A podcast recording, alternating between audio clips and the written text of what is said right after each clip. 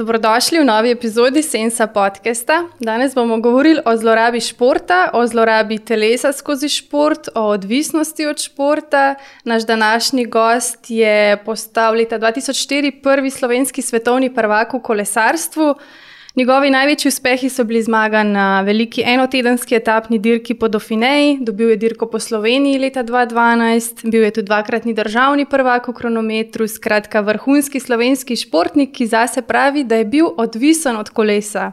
Vabim vas, da mu prisluhnete, ker ni pogosto, da ima športnik tok, oziroma da tako iskreno govori o sebi, tudi o svojih bolj ranljivih in temačnih delih, in da ima tako pogled v to, zakaj je počel, kar je počel, zakaj počne, kar počne.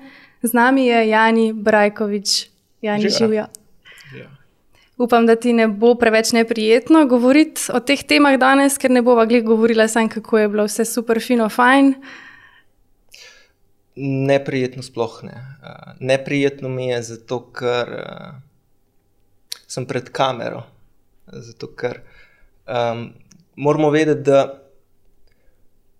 sem jaz odraščal v okolju, kjer smo bili nepomembni in ni bilo pomembno, kaj delamo, kako smo. Ne? In zdaj, ker sem jaz na kameri, sem pa kar naenkrat pomemben in je to za me nenormalno. Ne? In bi pač moja podzavest, bi najraj šla ven.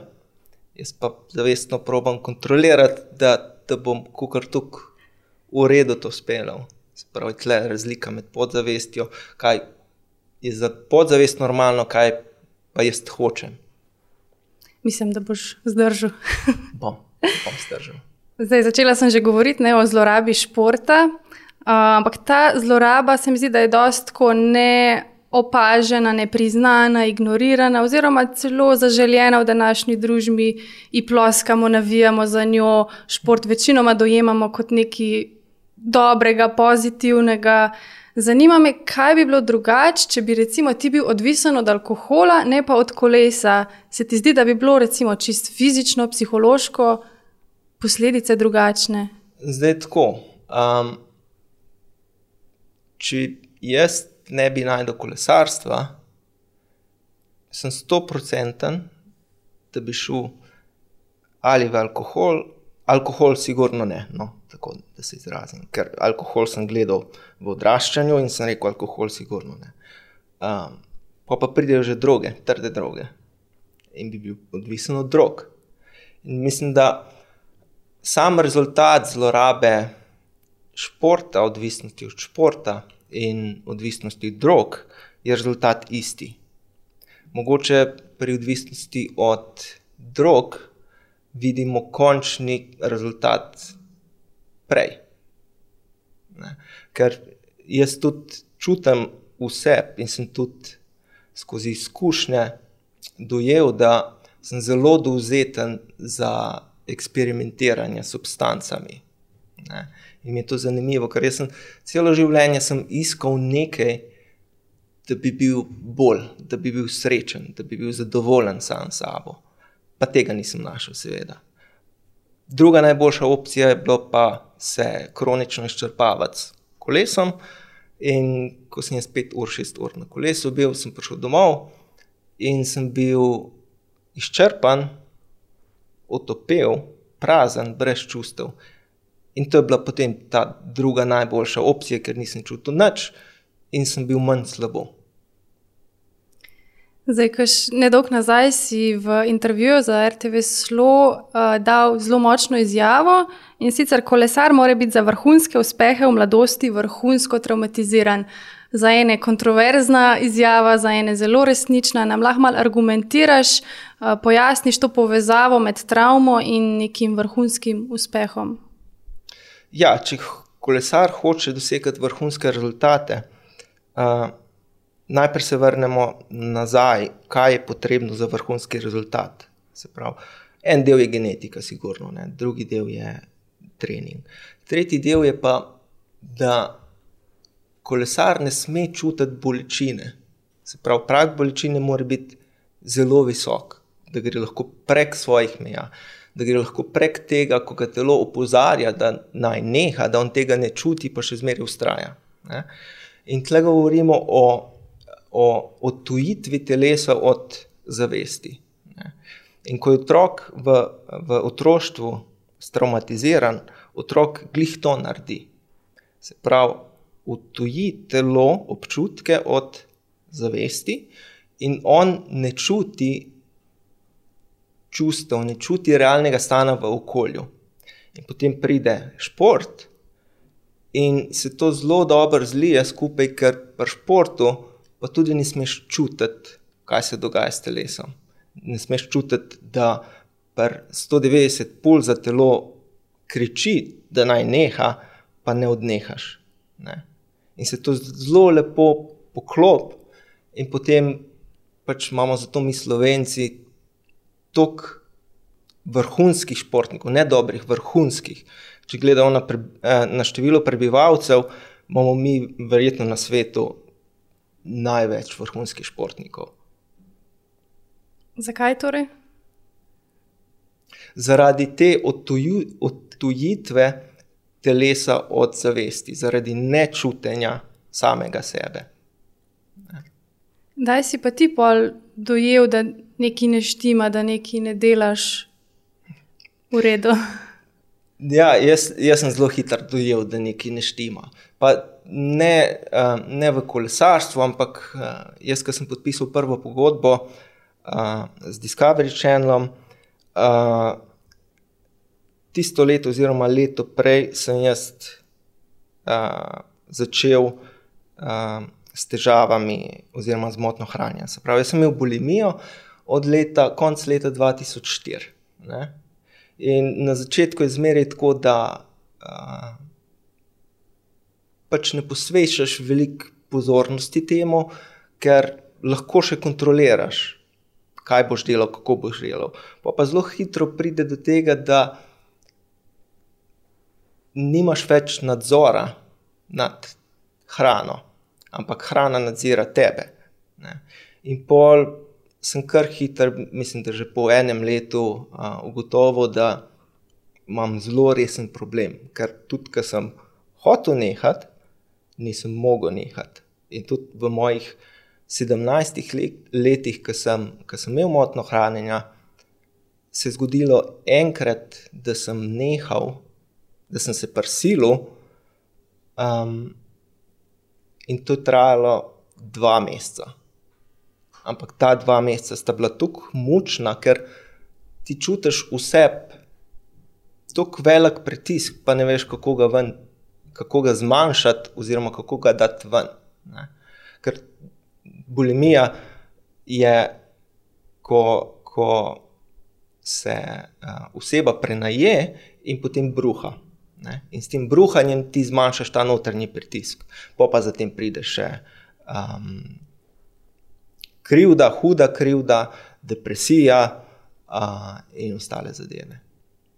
Se pravi, ti nisi bruhal zato, ker bi si zdel, da si predebel. Ne, jaz nisem imel nikoli v, v življenju probleme s težo. Nikoli. Ne. In to je bil tudi problem, ker ne veš, zakaj se ti to dogaja. Ker jaz sem bil zmeraj kot otrok, kot kolesar, sem bil zelo suh. In tudi če sem, če sem hotel izgubiti kakšno kilo, nisem imel težav izgubljati kile. Um, se pravi, bulimija ni bila način, kako sem jaz držal nizko telesno težo. Bulimija je bil problem, ki sega veliko bolj globoko. Um, In uh, ker nisem vedel razlogov, ga nisem mogel rešiti. In potem tistega leta 2020, uh, ko sem šel prvič k Lešu, um, po dvornem pogovoru, se to vse nehalo, kar naenkrat. Govoriš o Lešu Ernstu. Tako. Um, in to je zelo, to se sliši zelo neverjetno. Ne? Ker če beremo literaturo o motnah hranjenja, traja rehabilitacija toliko časa, kot ima oseba to motno hranjenje. Se pravi, jaz sem imel 17 let bulimijo in potem takem bi 17 let trajalo, da bi bil jaz ozdravljen. Pa verjetno ne bi bil ozdravljen, bi bil zdravljen. Ne? Kar je velika razlika. Se pravi, kaj je enostavno ti je nek klik naredil, zakaj si to počel? Ali? Ja, pač on mi je v tem dvo, dvournem uh, pogovoru odgovoril na vprašanja, um, za katere jaz nisem nikoli imel odgovorov. Zakaj sem jaz tak, zakaj se mi to dogaja, zakaj jaz je na dirki padec, sem jaz zdraven, zakaj jaz na dirki nisem tako dober, kot sem na treningih, zakaj mene vsi zlorabljajo. Ne? Um, zakaj jaz ne znam izražati čustev? Zakaj sem jaz to topel skozi? Zakaj jaz rabim 35 ur na teden biti na kolesu? Ne? In pol počasi uh, skozi ta pogovor začnejo stvari klikati, in nekatere stvari dojameš, tiste stvari, ki so pretežke, še ne dojameš. Um, in potem, ko sem šel jaz od njega, takrat sem jaz prvič v življenju dobil upanje, da mogoče pa se da to zrihtati, urediti. Ne. In se zdaj ureja, ni še urejeno. Sama bulimija je urejena. Ne. Um, sama odvisnost od uh, kolesa je urejena. Imam pa tudi druge odvisnosti, ki sicer niso tako hude, ampak so pa odvisnosti. In jaz recimo zlorabljam, do neke meje jaz zl- zlorabljam, jaz zelo rad igrice igram, simulacije vožnje. Ne? In to, ko mene not potegne, sem jaz dve ure na računalniku, dve ure, ki jih bi lahko izkoristil za veliko bolj pametne stvari. Ne? A, se pravi, spet beg a, v igrice, namesto da se bi obadal oziroma ukvarjal z rečmi, ki so bolj pomembne. Pa je bulimija drugače bolj pogost pojav v kolesarstvu, so še primeri.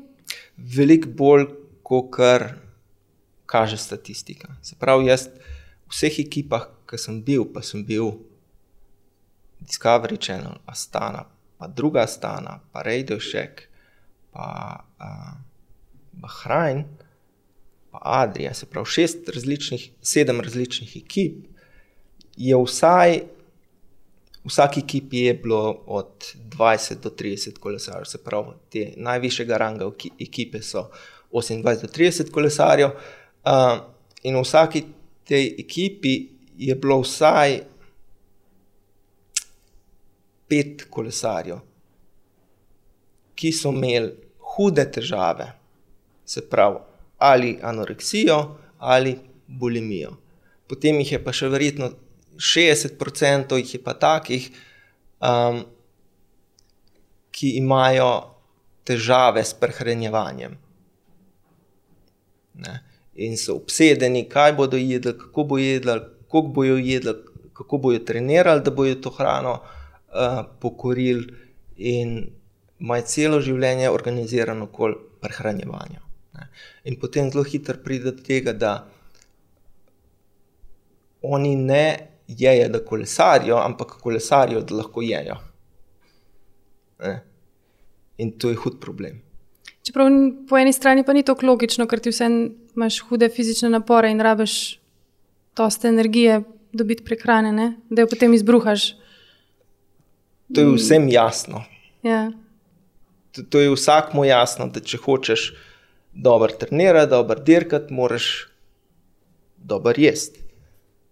Ampak tudi vsak ve, da če bo imel na mest 65 kg, 63 kg, da bo verjetno, če ohrani isto moč, da bo šel hitreje na klanc. Ne. In potem je zdaj tle problem, da bi radi jedli dost, oziroma da bi radi jedli toliko, da so še zmeraj močni, ampak zraven, da še zgubljajo težo. In pol tle pride do obsedenosti, koliko je premalo, koliko je preveč. In um, v tem primeru potem kolesar zgubi občutek, koliko je normalno jesti, koliko on rab, da je sit, pa da lahko normalno trenira. In ko enkrat ta občutek zgubiš, rečemo, pri bulimiji je to zelo izrazito. Jaz sem izgubil občutek za sitost. In ko izgubiš občutek za sitost, moraš začeti kalorije šteti. Kar je pa še hujši problem, ker potem cel dan kalorije šteješ. S tem, da ko hrano izbruhaš, ne veš, koliko si izbruhal, ker 100% ne izbruhaš. Ne? In poličist celo življenje organizirano okoli tega, ali sem jaz preveč pojedel, ali sem premalo pojedel, ali se bom zdaj zredel, ali se ne bom zredel, ali bom lahko sploh treniral, ali sem dehidriran ali nisem dehidriran.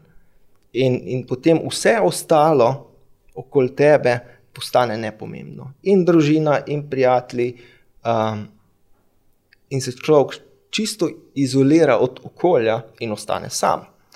In ostane sam v trenutku, ko pa najbolj rab pomoč drugih. Ko pa najbolj rabaš pomoč drugih, takrat pa te najbolj sram prositi za pomoč. In si skozi sam. Ne? Jaz sem tudi sam, zmeraj, ko sem hodil na priprave, sem sam na priprave hodil. Jaz sem šel dvakrat na leto v Kolorado, Kolorado, ki je 7000 km stran. Zakaj?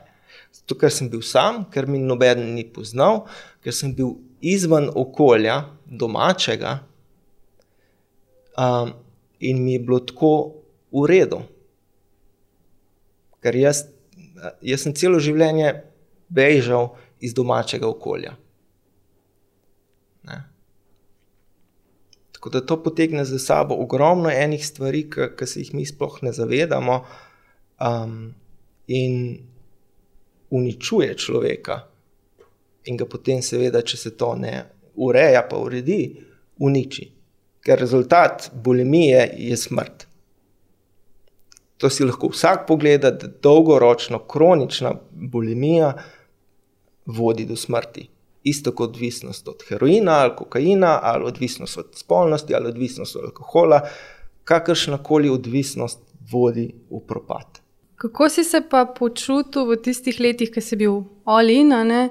Um, ko par dni nisi šel na kolo, ali pa verjetno ste šli kdaj na dopust za kakšen teden, a si zdržal, da nisi recimo en teden bil na kolesu, kako si se počutil takrat psihično?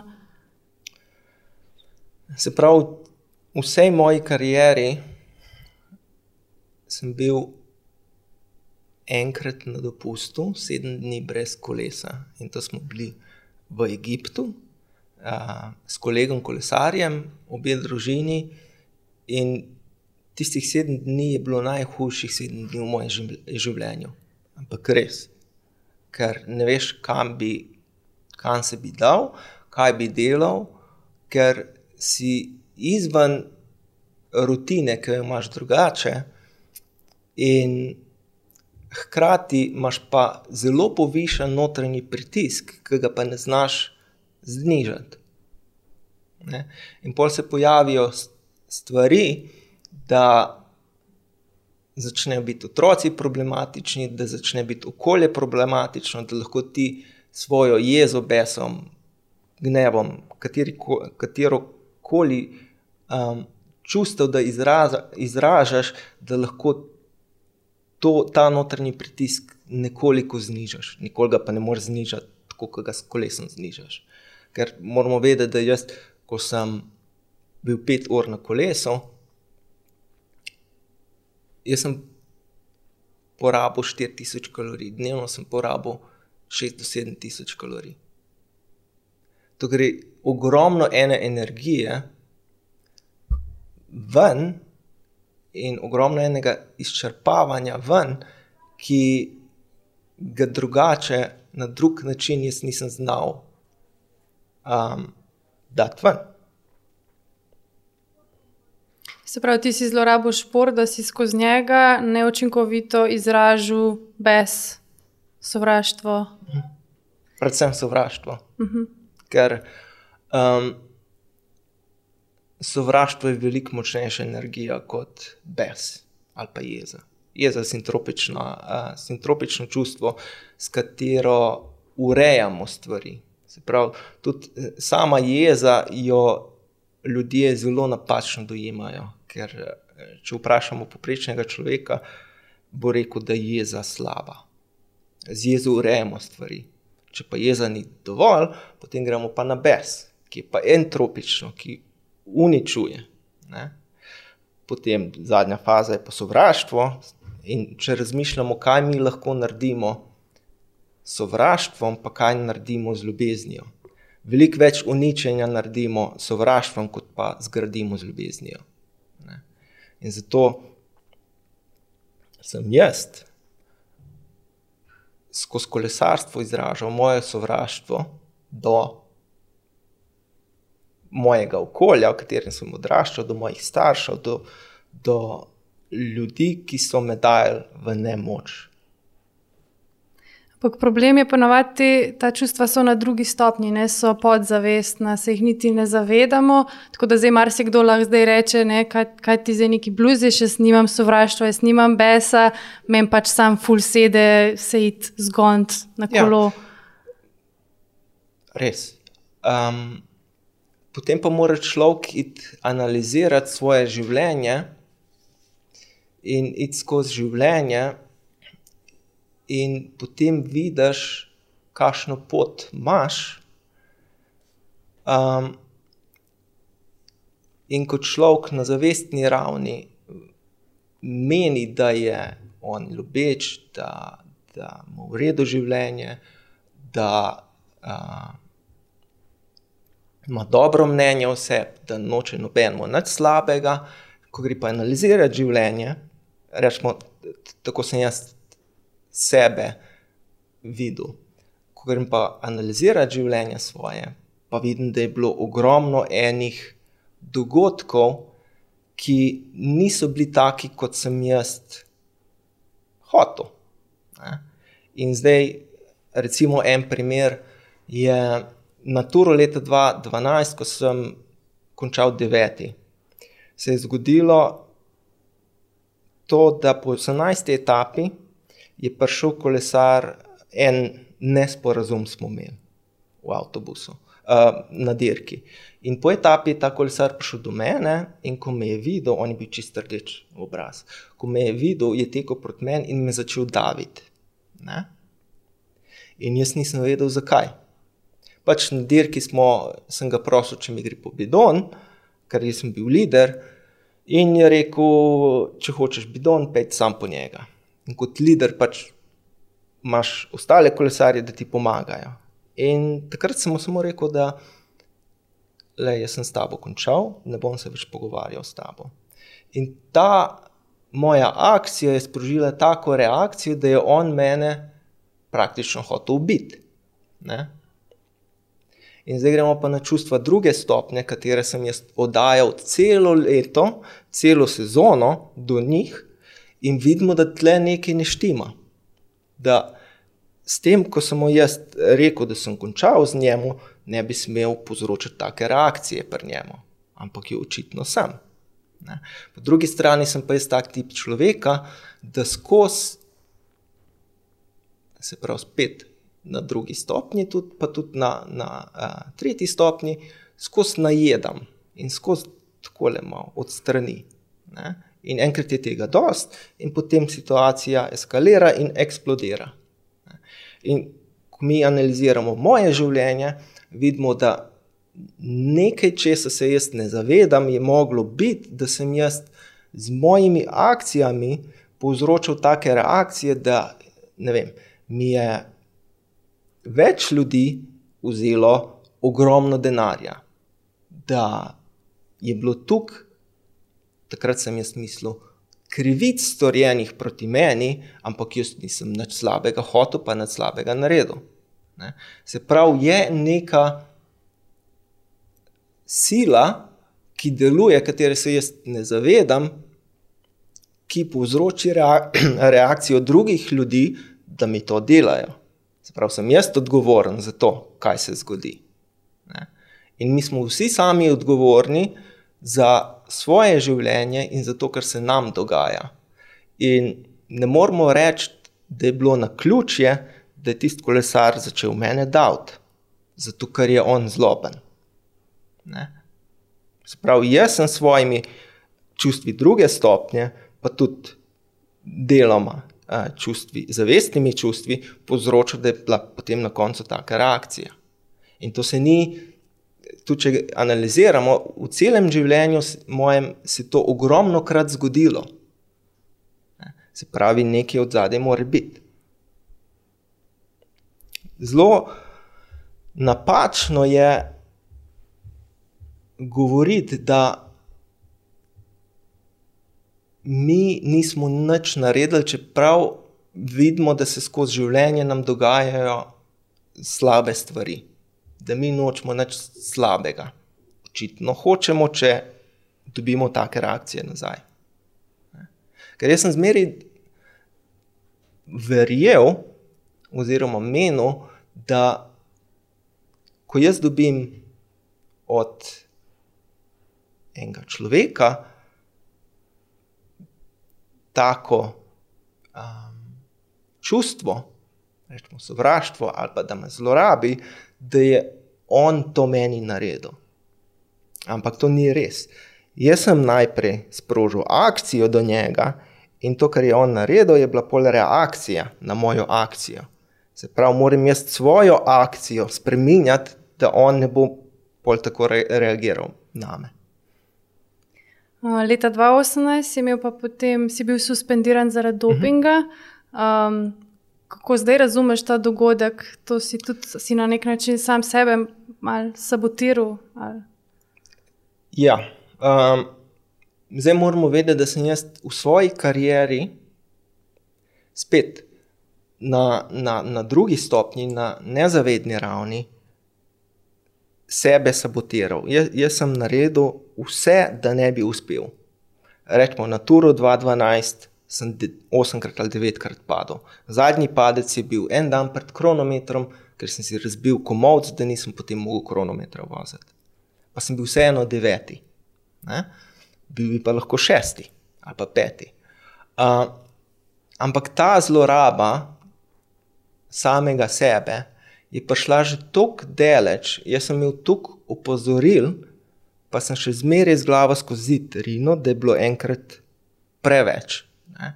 Uh, od leta 2011 sem imel dvakrat ključnico zlomljeno, komovc sem imel v kosih. Uh, eno kost mi je čisto odlomilo in je zarotiralo 180 stopinj. Pogačico sem imel na pol počeno, in po treh dneh sem bil jaz na ergometru s počeno pogačico. Ne? In si, se pa človek vpraša, kaj ti ni jasno. Um, in potem gležen sem imel poškodovan, pretrese možganov sem imel a, več pretresov možganov. In pol je prišlo do tega, da je leta 2018 bilo že vsega preveč, in da me je bilo treba ustaviti. Zdaj, spet, to, da je me je ustavilo, sem jaz sam povzročil, ker sem jaz ta dodatek prehrani vzel. In če zdaj gledam nazaj, vidim, da je bilo čist neracionalno, da sem jaz kupil ta dodatek prehrani, ker je bilo od um, znamke, ki je hkrati proizvajala uh, produkte, ki so bili prepovedani uh, po uh, strani vade. Ne? Sicer to so bili stimulansi in tudi ta dodatek prehrani je soboval stimulans, zelo majhno količino, rečemo. Uh, količina tega metilheksanamina v mojem vzorcu, urinskem, je bil, mislim, da 20 krat do, 50, do 100 krat manjši, kot če bi jaz zavestno to dozo vzel, kot je predpisano, uh, za izboljšanje performansa. Povrh vsega pa sploh ta uh, uh, substanca, ni ergogena. Substanca je pre, prepovedana zato, ker je nevarna za zdravje. In smo zdaj spet tle, nevarna za zdravje, o, spet zloraba samega sebe. Ne. In mislim, da je bila 2018 je bila prelomnica, kjer je bilo treba si reči, kako zdaj naprej, kaj bom jaz naredil. In potem me je za eno leto ustavilo, um, na kar sem spet začel tekmovati v Sloveniji. In uh, preko spleta okoliščin sem potem leta 2020 prišel Halešu Ernstu. Ker če, to je zelo zanimiva zgodba. V enem trenutku sem bil jaz dovzeten za, za to, da poiščem pomoč. Celo kariero nisem hotel nobene pomoči, nobenega si nisem upal vprašati, jaz sem bil naj, najpametnejši, jaz sem vse vedel. V enem trenutku, to je bilo en dan po državnem prvenstvu, kjer je bil rezultat porazen, glede na to, če sem, sem bil sposoben, mi je kolega predlagal, da naj pokličem, kontaktiram Aleša da mi lahko pomaga, verjetno. Jaz nisem vedel, kdo je Aleš, kaj dela Aleš, kako bo on meni pomagal. Jaz sem šel k njemu, zato ker sem upal, da mogoče lahko kaj spremenim. In potem je pač vse ostalo sledilo. Ja. Tako da, če jaz leta 2018 ne bi bil pozitiven, sem siguren, da bi še zmeraj z glavo skozi zid rino, da bi še zmeraj dirkal tudi če na lokalnem nivoju, da bi še zmeraj zlorabljal samega sebe, če me seveda telo ne bi že prej ustavilo. Ker če bi še dolgo ustrajal na taki poti,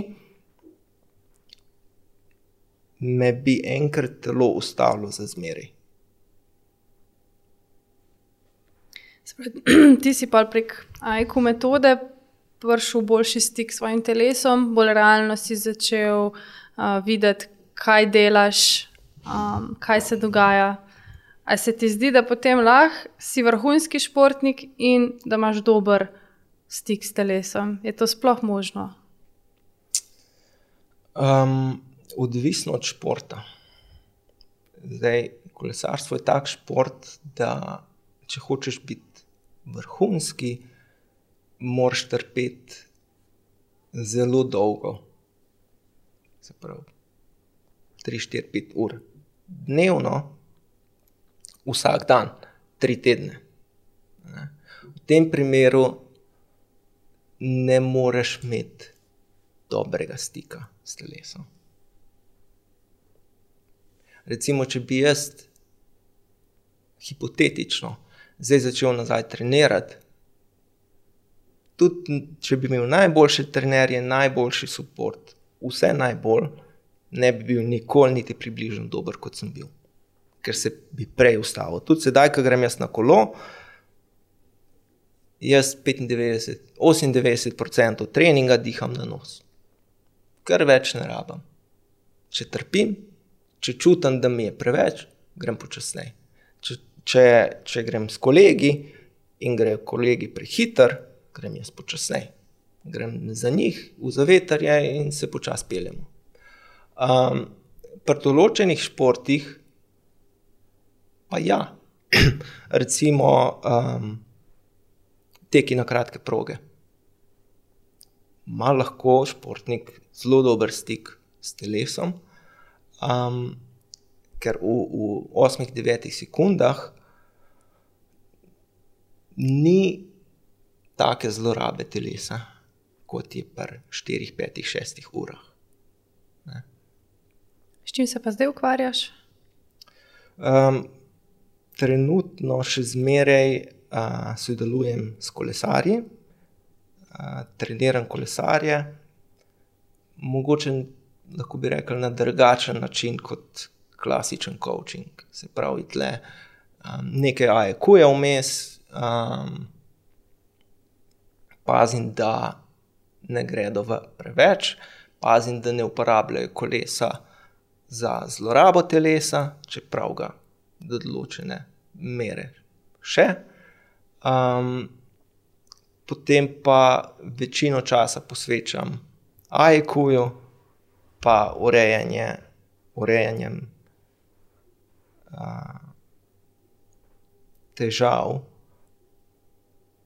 v okolju, oziroma urejanjem družine, odnosov med mano in uh, ženo, med mano in otroci, pač med, v, v celotnem okolju. Kako pa se je spremenil tvoj partnerski odnos, ko si ti spremenil svoj odnos do kolesa? Se še spremenja. Um, moramo vedeti, da moj partnerski odnos je bil nadaljevanje, zdaj se bo to slišalo zelo čudno. Uh, nadaljevanje odnosa, ki sem ga imel od, od, v otroštvu do matere. Se pravi,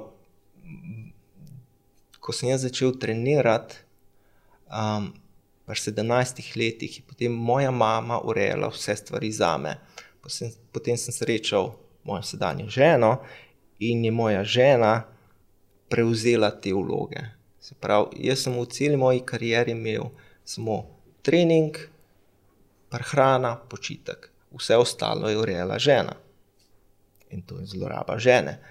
Um, moja žena je imela moško vlogo v družini, urejala je hišo, okolje, otroke, pa še mene.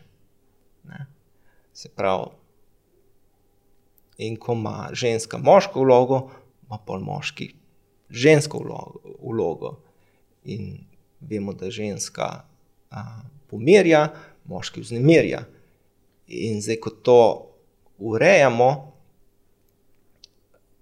moramo urejati skupaj ker mora ona postajati bolj ženska, jaz pa bolj moški. In to se je zelo dobro uh, opazilo na plesu lansko leto, ko smo šli na tečaj. Pri plesu vodi moški. In glede na to, da je ona 17 let vodila družino, bila odgovorna za vse, za me, za otroke, za, za hišo, za okolico, za račune je ona vse vodila in je seveda pri plesu tudi ona hotla voditi ples. Ne? In smo imeli zelo velike težave, da je ona meni pustila, da jaz vodim. Hkrati pa jaz nisem nikoli vodil in tudi pri plesu sem bil zelo neprepričljiv in nisem vedel, kako voditi. In polk je ona začutila, da sem jaz ne samo zavesten, da ne vem, kaj delam, je takoj prevzela ona vodenje. Uh, in se tukaj zelo lepo videlo, kakšne vloge smo imeli v preteklosti, kakšne vloge imamo trenutno, pa tudi kam, v katero smer moramo iti. Ja, in grede čestitke za poroko, nedolgo nazaj sta se poročila. Kako to po 19 letih partnerske zveze, da se odločiš za zakonsko zvezo? Um, očitno smo tako zrela, da smo pripravljena za zvezo, pravo zvezo, kot mož in žena.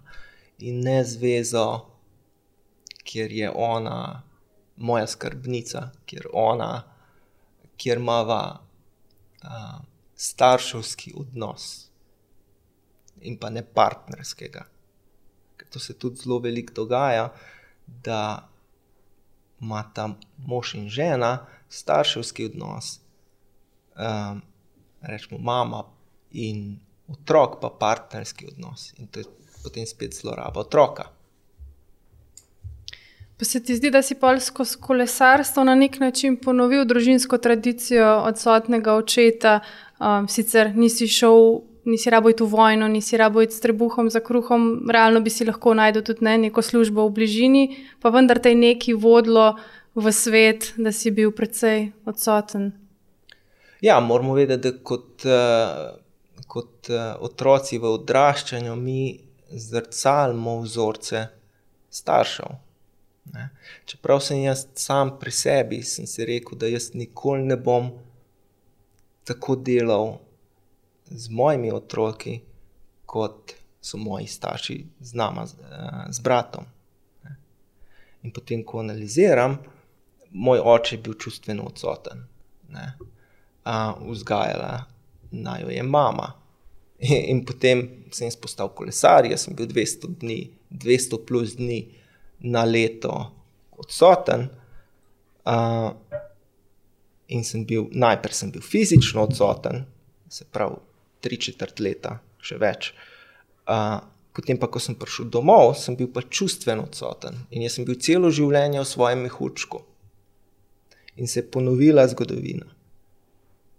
In vemo, da se pa zgodovina ponavlja, dokler je ne spremenimo, dokler se ne odločimo, da jo bomo spremenili, dokler si ne priznamo, da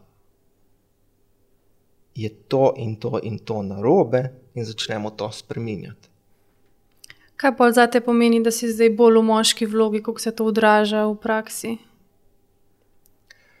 Da sem bolj odgovoren, da mi žena zaupa, da ji pustim, da me vodi, ker moramo vedeti, da ženska je daljnovidna, vidi širšo sliko in vidi v prihodnost.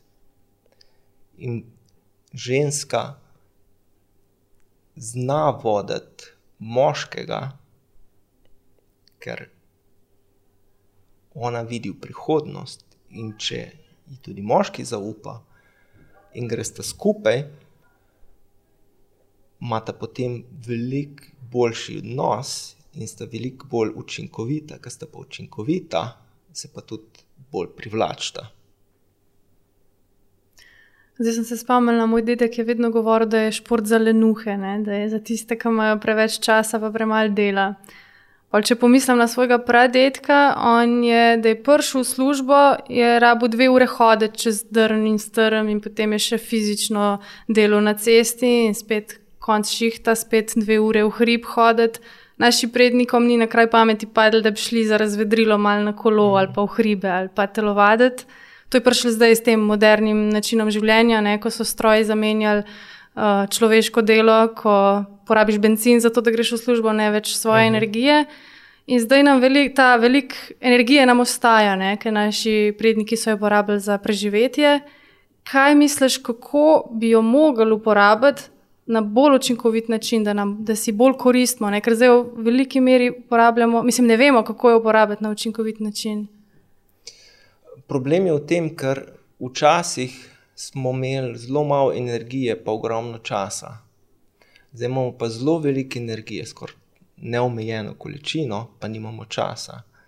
In zato, ker nimamo časa, moramo vse delati hitreje, pa bolj površno, se pravi, tle več upravilnost. Ker smo pa v več upravilnosti, smo pa avtomatsko neučinkoviti. Ko smo neučinkoviti, pa porabljamo veliko več energije za to, da nekaj naredimo, pa še to ni kvalitetno. Um, hkrati pa energijo, ki jo imamo, ne znamo učinkovito uporabiti za reševanje težav. Se pravi, um, ne znamo težave v okolju reševati s čustvi. In potem je druga najboljša opcija, da gremo na kolo za 4 ure, smo kot prvo se umaknemo iz okolja, porabljamo energijo, ki jo imamo, oziroma povišen tlak v trebušni votlini, in pridemo domov in smo utopili brez energije, in nas ni briga za, za nič. Se pravi, če bi dom bil nek prostor, kjer je nizek pritisk, kjer se počutimo varno, kjer se lahko sprostimo, kjer lahko se avtentično in spontano izražamo, potem ljudje ne bi imeli toliko te goreče pa ne želje, v bistvu te potrebe, da morajo na kolo, da morajo iti laufa, da morajo v fitness. In bi, ne vem, mogoče imeli več želje po nekih skupnih aktivnostih, sprehodih, po nekih uh, druženjih, ki bi jim pomagali, da se bolj povežejo med sabo, in mogoče ne bi bilo toliko tega individualnega pihanja ven, filtriranja, ne ko rečemo, moram dati ven, moram iti, moram sam. Ja, absolutno. Mislim, dom, dom bi mogel biti okolje nizkega tlaka, da pridemo iz, iz zunanjega okolja, iz divjine, kjer je visok tlak, kjer je nevarnost, ko pridemo domov, v območju nizkega tlaka, da se lahko sprostimo in spočijemo. Če pa dom, v katerem živimo, je okolje še višjega tlaka, moramo pa ven iz doma in se počutimo od zunaj boljše, ker je nižji tlak od zunaj. Hkrati pa z aktivnostjo znižujemo ta tlak, ki ga imamo uh, v telesu, in pridemo domov in se počutimo bolj, zato ker nimamo niti življenjske energije, da bi začutili, kakšno je realno stanje doma. Še en tvoj močen kvot je bil enkrat, da um, nekdo, ki si na tekmi zlomi kost in nadaljuje, je obravnavan kot junak, kot heroj, nekdo, ki pa se mesece oziroma leta muči z duševnimi stiskami, duševnimi boleznimi, prehranskimi motnjami, je pa dojet kot šibek. Tudi, da se res malo zamislimo, malo z distance, kaj počnemo, za koga navijamo. Ja, zelo žalostno je, da gledamo kolesarje, vse razbite, pa polomljene, ki zlorabljajo sebe in delajo permanentno škodo, da mi to odobravamo in da jih kujemo v zvezde, da so junaki. Uh, to smo tudi zdaj na turu vidimo, kjer kolesari zelo poškodovani ustrajajo in, in potem vsi ploskajo. To je hudo narobe. In to nikoli ne bi smelo biti dovoljeno. Kako pa ti zdaj energijo vlagaš, recimo v kolo, v primerjavi, kot si prej? Um, zelo malo, oziroma zadnjih pet dni nič. In se počutiš v redu? Se počutim zelo dobro, čeprav včasih to moram priznati. dobim občutek, oziroma razmišljam, če sem mogoče bolj len, kot sem bil. Ampak potem grem analizirati, kaj sem danes delal. Ok, danes sem 8 ur prav fasado. Ne? Se pravi, nisem len. Ker po 8 urah pranja fasade, to je fizično naporno, mora človek počivati. In potem, če en dan počiva, je to ok. Se pravi, to ni le nova. Ja. Tako da še zmeraj imam ne malo, veliko teh vzorcev, ki jih še moram spremeniti, da dobim občutek, da mogoče pa to, kar delam, ni prav. Ampak zavestno vem, kaj je prav, kaj ni prav, kaj moram spremeniti. Sej, še veliko stvari ni prav, ampak gre pa na bolje. Kaj bi pa svetoval staršem, ki si želijo, da bi bili njihovi otroci dobri športniki? Mogoče okay, eno so zdaj tisti ekstremi, ki si želijo, pač nekako imajo zelo velika pričakovanja, eno so pa starši, ki pač zdaj danes v tem življenju, ko živimo, preplavljeni s tehnologijo, seveda si želimo, da bi pač otroci se čim več gibali, da bi trenirali različne športe, ampak ne, kaj narediti, da ne pride do tega, recimo, kar je prišlo pri tebi, do zlorabe. Da ne zlorabljajo otrok. Zelo enostavno. Ker kakšen bo otrok, oziroma kaj bo otrok postal, je izključno odvisno od staršev, oziroma okolja, v, živijo, eh, eh, v katerem živijo, eh, ali pa skrbni, skrbnikov teh otrok. Izključno. Kaj pa če je mama zelo zauzeta športnica, maratonka, triatlonka, gorska tekačica? Naj začne mama spremenjati sebe, ne otroka spremenjati. Mislim, a misliš, da je lahko ženska v ženski vlogi, pa da je res dobra športnica? Struktura in funkcija ženskega telesa je taka, da ženska ne sme imeti povišenega pritiska v trebušni votlini. Zato tudi, če pogledamo, za razliko od moških, moške genitalije so odzunaj. Prav zaradi tega, ker moški lahko prenaša višji pritisk, sicer ne visok pritisk kronično v trebušni vitlini, ampak lahko prenaša višji pritisk v trebušni vitlini, ženska pa ne. Se pravi, ženska nikoli ne bi smela imeti visokega notranjega pritiska. In če govorimo o športih, kateri to naredijo, verjetno ta šport ni primeren za žensko. Čeprav bo to sedaj, ko ljudje gledajo, velik problem. Ampak tako je, to si nisem jaz spomnil. Ja, fizika. Tako. Uh, prej si omenil, ne, da si bil tudi zelo introvertiran, včasih, a se tudi to zdaj spremenja? Jaz sem tle. Ja. Zelo. Ja, zdaj tako. Načeloma sem veliko bolj odprt uh, in veliko bolj se vedem kot letalo. Vedem se tudi kot podmornica, seveda. Um, v zelo. Se v Ajkuju razumejo, to, kaj pomeni biti letalo in podmornica. Ne? Ja. Uh, podmornica ima zelo močan oklep in preprečuje zunanjo energijo, da prodre v njega. Se pravi, je vroča na površini, ima nizek notranji, ne, ne nizek, ampak nižji notranji tlak. Letalo ima pa visok notranji tlak in preprečuje, da izbruhne ven. Ne?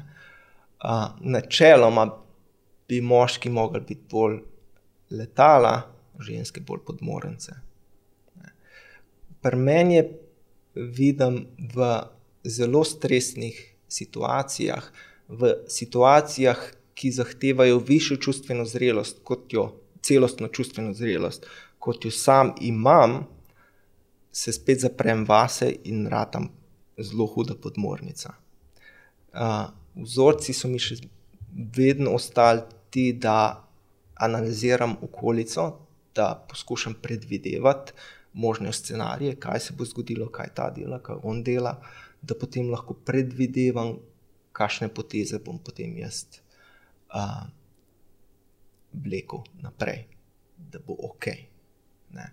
Ampak načeloma sem bolj dinamičen, kot sem bil, ker v preteklosti um, še posebej v, te, v, v socialnem okolju, sem bil zelo huda podmornica, zelo zaprt, zelo težko mi je bilo navezati stik s človekom, um, še posebej z neznancem, se nisem mogel vzpostaviti nobenega stika, uh, v oči pogledati človeka, uh, zelo hude težave sem imel. Se pravi, zakaj bi rekel, da si pustil profesionalni šport?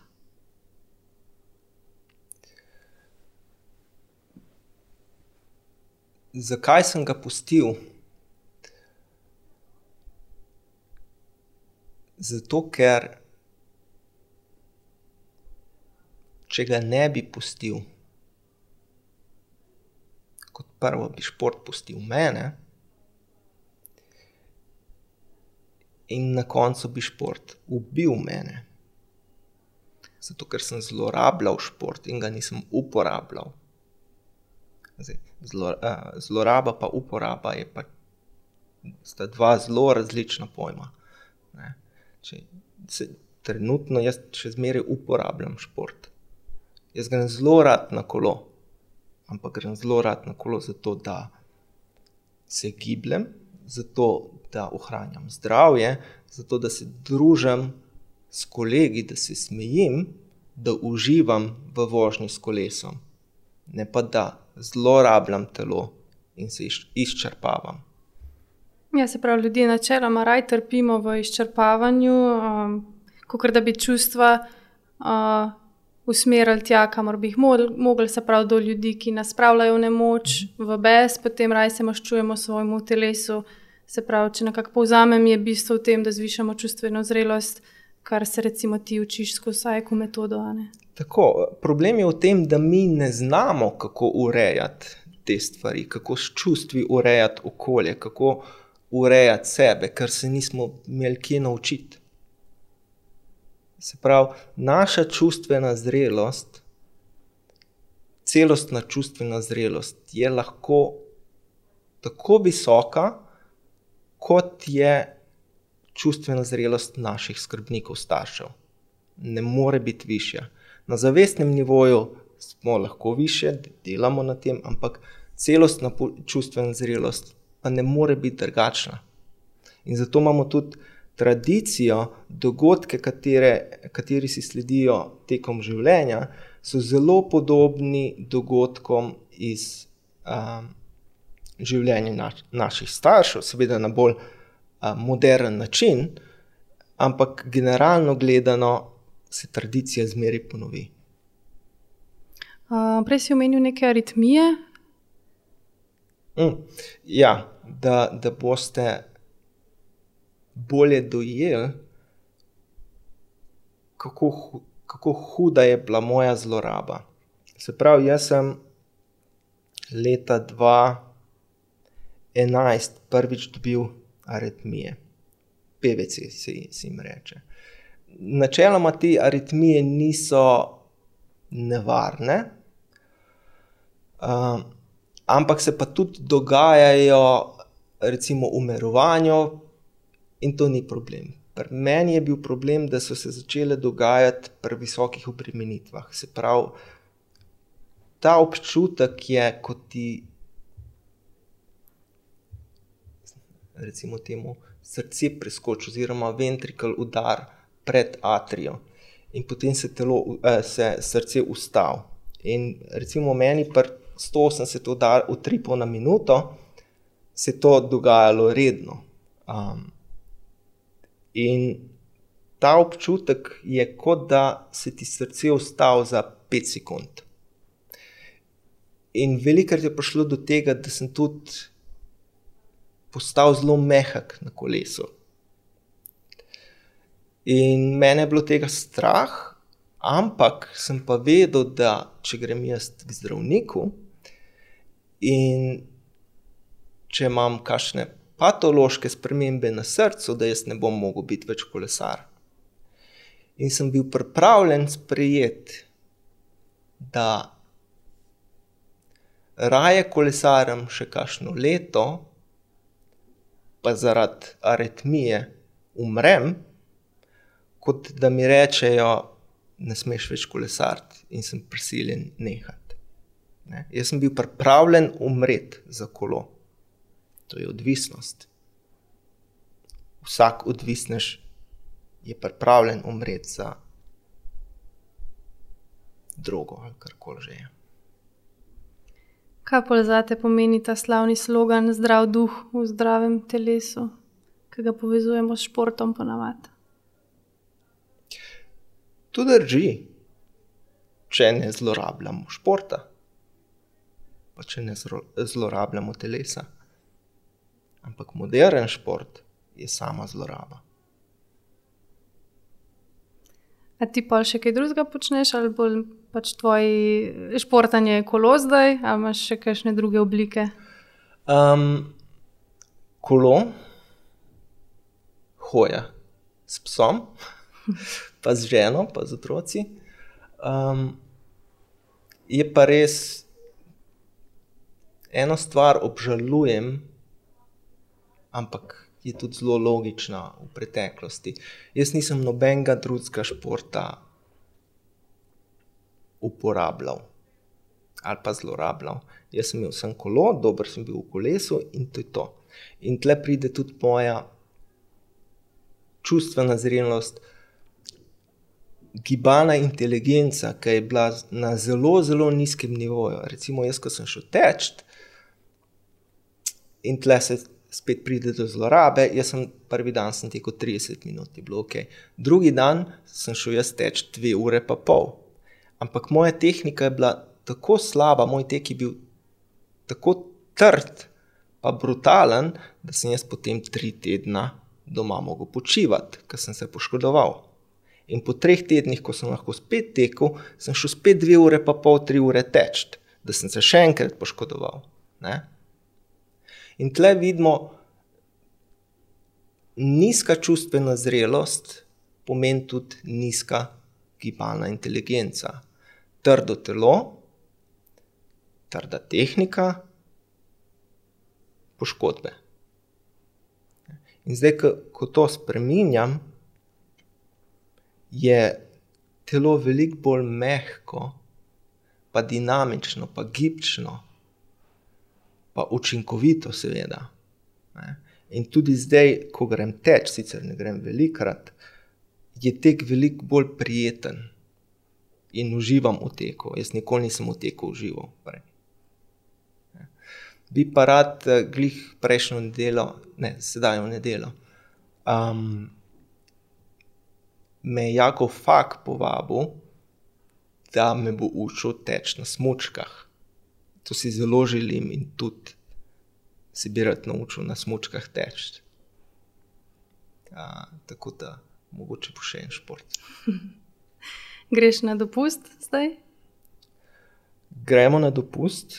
Uh, to je zdaj drugo leto, odkar hodimo na dopust, prav dopust. Um, ker moramo vedeti, da tekom moje kariere, tudi če smo šli na dopust, to ni bil dopust. To sem bil jaz. Neprisiljen, oziroma sam sem se prisilil, da sem šel z družino na morje, in sem bil potem čustveno odsoten celih 8 dni in delal svoje stvari, otroci pa žena so pa delali svoje stvari. Lansko leto je bilo prvič, ko smo imeli res dopust, ki se mu reče dopust, ko smo skupaj uživali, skupaj delali stvari. Um, in smo se imeli zelo lepo. Imel sem sabo kolo, In na kolo sem šel v devetih dneh, dvakrat, 45 minut, pa 50 minut, letos pa ne bom kolesa vzel, ker ga kot prvo nimamo prostora v avtu, kot drugo pa ne potrebujem. Ne upam, da, boš, da boste čim bolj uživali, čeprav užitek ni tako samoumeven ne, v življenju, kot danes mislimo, da je tako lahko dostopen. Kaj, ja. kaj je pogoj, da lahko uživaš? sproščenost. Če hočemo biti pa sproščeni, pa ne, moramo, ne smemo imeti potlačenih čustev.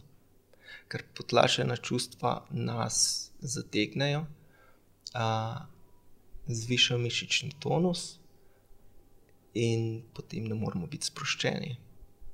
In to je tudi, tudi pri AEQ-ju, ko se telo začne sproščati, potem pridejo na površje potlačena čustva, ki so v veliko primerih zelo huda, pa traumatična, in potem gre človek v depresijo, in potem se dvigne gor, ko razreši te, te um, travme, potem ne rabi biti več zategnjen in je bolj, bolj sproščen. In tako s časom si lahko skozi bolj sproščen in skozi bolj uživaš. Ker čisti iskreno, jaz nikoli nisem vedel, kaj pomeni biti sproščen, ker nisem bil sproščen. Tudi nisem vedel, kaj pomeni uživati. Ko sem zmagal svetovno prvenstvo do 23 let, sem si predstavljal, ker sem vedel, da bom na stopničkah. Um, sem si predstavljal, da bom jaz na stopničkah jokal, pa da bom vesel, pa da bom užival. In takrat, ko sem potem stal tam gor, ni bilo nič, nisem čutil čist nič. Tudi, ko sem zmagal eno najpomembnejših dirk a, v svetovnem koledarju, Dofine leta 2010 in premagal najboljšega kolesarja na svetu, mi je bilo brez veze. In potem se vprašaš, kaj ti pomenijo vsi uspehi, če ne znaš uživati v uspehu. Ja, če, če ne čutiš, ne čutiš cele palete, ne, ne Tako. moreš izbrati Ne samo čutiš slabih. niti slabega, niti mm. dobrega. In to je tudi problem. Če nočemo čutiti slabih, negativnih a, občutkov, pa čustev, potem ne moremo čutiti tudi lepih, pozitivnih čustev. Ti je v redu, če s to mislijo končava, ali imaš še kaj, ti še kaj leži na duši? Lahko končavajo. Hvala, Jani, za tvojo iskrenost, ker si nam odprl en nov pogled, kako ljudje nezavedno delujemo.